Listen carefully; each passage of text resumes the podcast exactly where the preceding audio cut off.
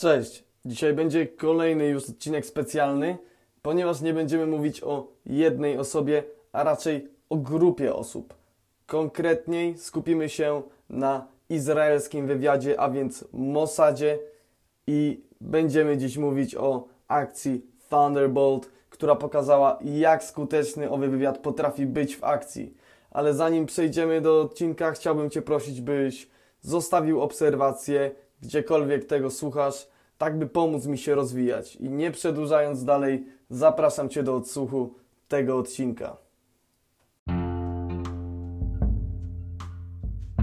Utworzone po II wojnie światowej państwo Izrael było zewsząd otoczone przez wrogo nastawione państwa arabskie, w związku z czym potrzebował Izrael nie tylko silnej armii, ale również skutecznego wywiadu, co okazało się bardzo dobrym kierunkiem, w związku z tym, że Izrael i sąsiedzi niedługo potem skończyli w stanie wojny, ale dzięki skutecznej infiltracji Mossadu, yy, armii państw sąsiedzkich, udało się Izraelowi wojnę wygrać w zaledwie 6 dni, co myślę, że jest dosyć imponującym osiągnięciem.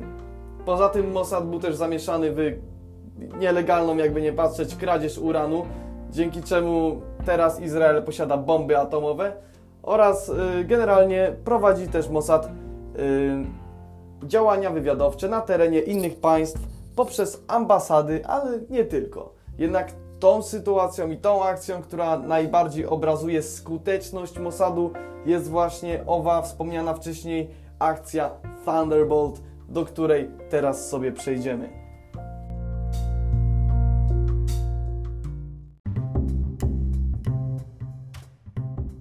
27 czerwca 1976 roku wystartował z lotniska w Tel Awiwie francuski samolot pasażerski.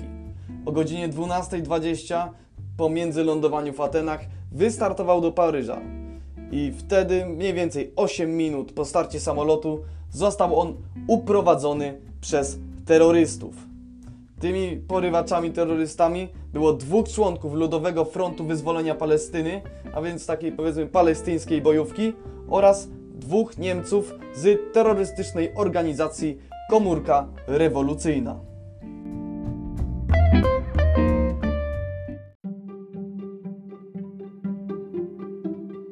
Załoga została zmuszona do lądowania na libijskim lotnisku w Bengazi, na środku pustyni. Na początku miano tam tylko zatankować paliwo, aczkolwiek libijski lekarz przebadał jedną z ciężarnych kobiet i stwierdził, że istnieje ryzyko poronienia, w związku z czym została ona przez porywaczy wypuszczona razem z kobietą, która leciała do Manchesteru na pogrzeb swojej matki. Następnie, po zatankowaniu paliwa, samolot udał się do Entebbe, a więc miasta w Ugandzie, której dyktator współpracował z terrorystami.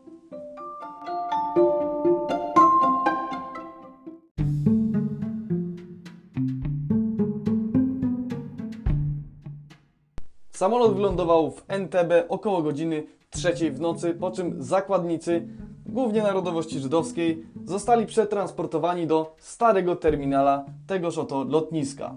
W tym samym czasie porywacze wystawili ultimatum do władz Izraela, w którym domagali się uwolnienia 40 bojowników i w razie niespełnienia ich żądań grozili wysadzeniem samolotu oraz zabiciem wszelkich zakładników.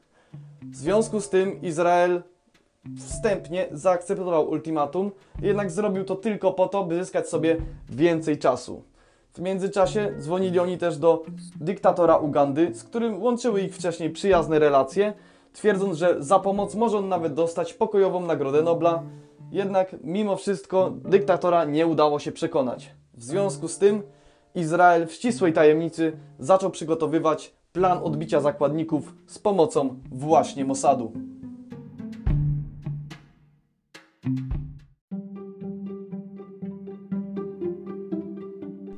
Cała akcja miała naprawdę nikłe szanse powodzenia z paru względów, między innymi sam fakt, że władze Ugandy współpracowały z terrorystami oraz odległość, która dzieliła Izrael i Ugandę, a mianowicie 4000 kilometrów, Aczkolwiek dochodzi do tego jeszcze jeden czynnik, który naprawdę było, myślę, że najtrudniej pokonać, a mianowicie chodzi o to, że by dostać się do Ugandy, trzeba było wykorzystać samoloty. A te samoloty musiały przylecieć nad Egiptem i w okolicach Arabii Saudyjskiej. No a jak wiadomo, naruszenie przestrzeni powietrznej państw arabskich przez samoloty Izraela mogło być odebrane bardzo, bardzo źle i mogło wręcz doprowadzić do naprawdę wręcz rozlewu krwi. W związku z czym szanse Mossadu były naprawdę nikłe, jednak mimo to władze Izraela stwierdziły, że akcja ma się odbyć.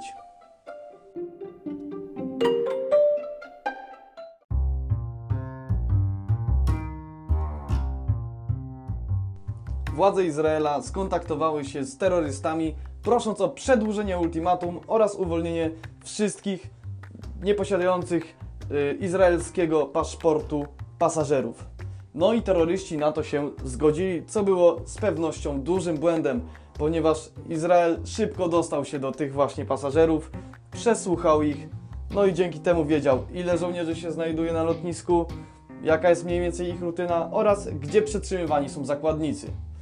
W związku z dostępnymi informacjami Mossad wybrał cztery możliwe, że tak powiem, plany operacji, które zakładały następująco.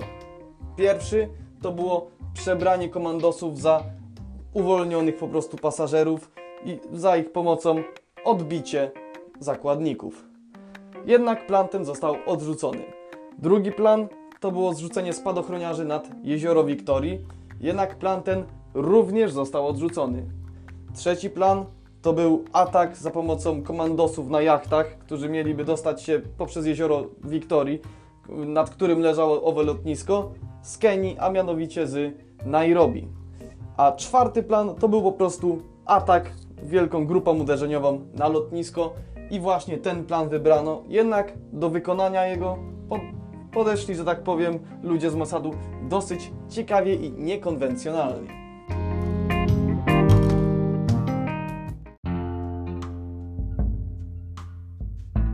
Do akcji wyznaczono 5 samolotów transportowych oraz dwa Boeingi. Jeden w roli centrum po prostu łączności, a drugi w roli centrum medycznego.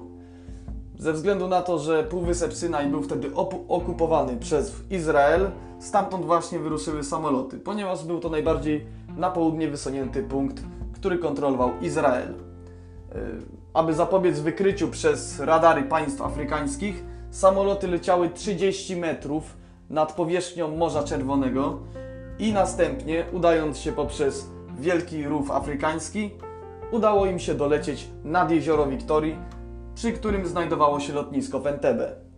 Chwilę po tym, ponieważ samoloty nie dostały sygnału mówiącego o tym, że miałyby zawrócić do Izraela, dowództwo rozpoczęło proces lądowania na lotnisku.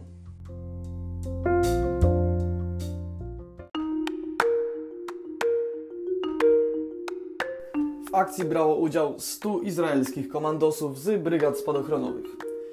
Pierwszy samolot Herkules, a więc samolot transportowy, wylądował o 23 na płycie lotniska w Entebbe z, otwartym, yy, z otwartą rampą ładowni i w celu dezorientacji ugandyjskich żołnierzy pierwszym samochodem, który z ładowni owej wyjechał był czarny Mercedes, ale nie byle jaki Mercedes, tylko taki sam jakiego używał ugandyjski dyktator. Izraelczycy wykorzystali ten efekt zaskoczenia, by pomóc reszcie samolotów wylądować i oczyścić pierwszą, że tak powiem, strefę na lotnisku. No i w ten sposób w ciągu 3 minut oczyścili główną płytę lotniska w Entebbe z ugandyjskich żołnierzy, co pozwoliło reszcie samolotów wylądować.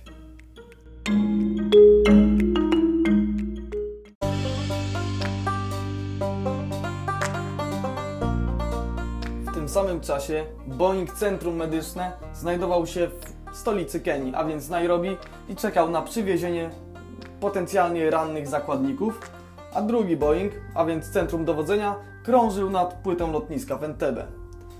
Kolejni komandosi wylecieli z samolotów i szybko zajęli pozycję na lotnisku.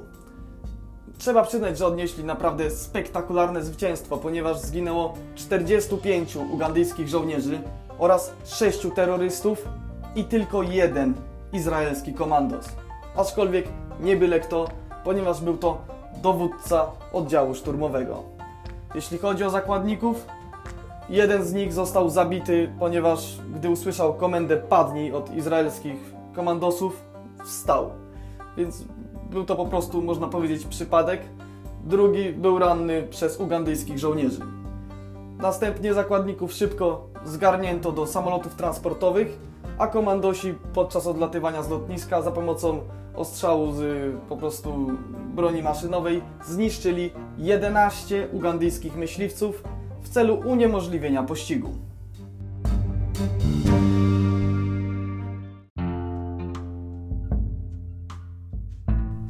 Samoloty z zakładnikami udały się do Kenii, by tam po prostu przetransportować wszelkich rannych zakładników do Boeinga medycznego oraz by zatankować paliwo.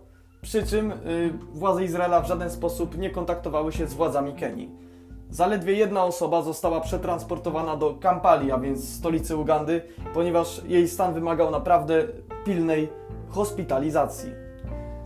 Następnie samoloty udały się z powrotem do Izraela, jednak nie każdy zakładnik mógł powrócić z powrotem do swoich rodzin, ponieważ kobieta, która wymagała hospitalizacji w ugandyjskiej Kampali, została wyciągnięta ze szpitala i zamordowana przez dwóch oficerów ugandyjskiego dyktatora, który po tym, gdy dowiedział się o całej akcji na lotnisku w Entebbe, zagroził Izraelowi, że wyśle tam swoją samobójczą dywizję pancerną. Groźby jednak nigdy nie zrealizował.